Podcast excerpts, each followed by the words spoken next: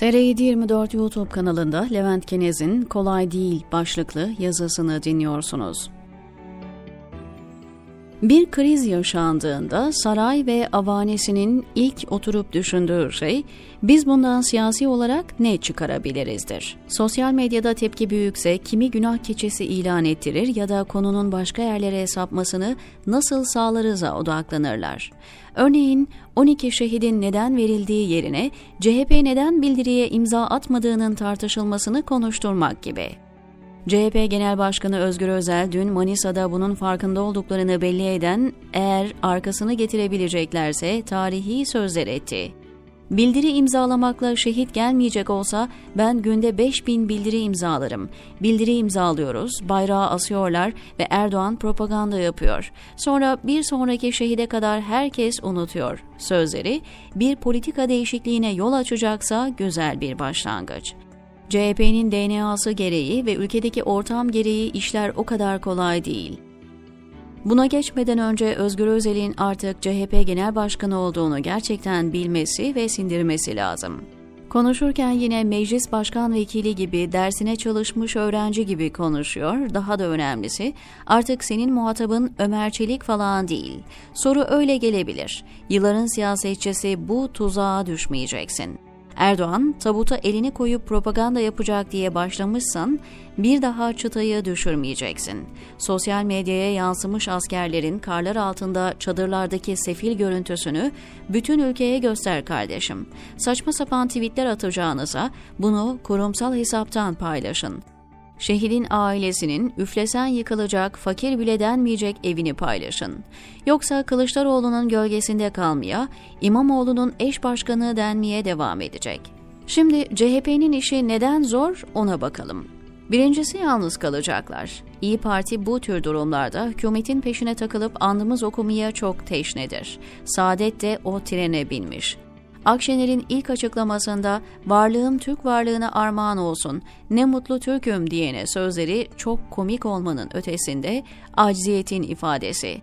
Hala milli yaz ilan edilmedilerdeler. Her şehit geldiğinde yapılan hiçbir anlamı olmayan tartışma.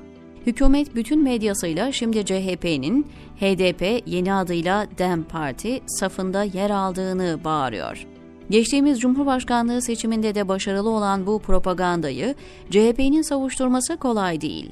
Oyunu istediği kesime karşı sarayın ağzını kullanmasını istiyorlar ki öyle PKK terör örgütüdür, Öcalan canidir sözleriyle tatmin olmuyorlar. Şehit cenazelerinde daha önce CHP'lileri yuhlatmışlardı. Hatta Demirtaş oylasından önce Kılıçdaroğlu'na bile saldırılmıştı. Geçen dönem mafyadan sorumlu İçişleri Bakanı CHP'lileri törende protokole sokmaya kadar işi götürmüştü. Şimdi yine cenazelerde meclisteki teröristler sloganları eşliğinde CHP'lileri hedef alan girişimler yaşanabilir. Şehit aileleri olayın ilk şokuyla beraber bir anda hayatlarında kapılarına hiç uğramamış devletle tanışıyor kahramanlıktan tutun, intikamlarının alındığından, hiç mağdur edilmeyeceklerinden içerideki hainlere kadar bir sürü propaganda. Zaten şehitlerin de hangi evlerden çıktığı malum. Onlardan yeter artık çıkışı beklemek mümkün değil. Yakında medyalarında göreceksiniz. Şehit babasından özele tepkivari haberler dolaşıma girecek. Olay yine bir şekilde Demirtaş'a gelecek.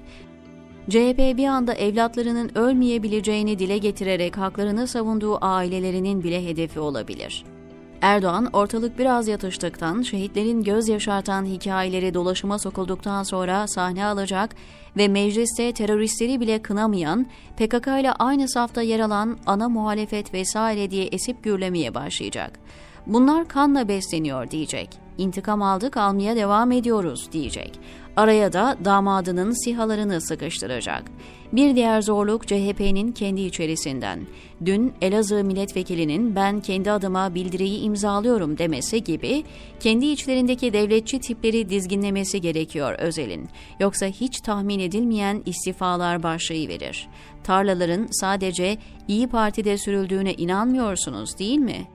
Bir de CHP'nin DNA'sı olayı var ki oraya girdik mi çıkamayız. Sadece Özel'in açıklamasını partililerin bile paylaşmadığını not ederek geçelim.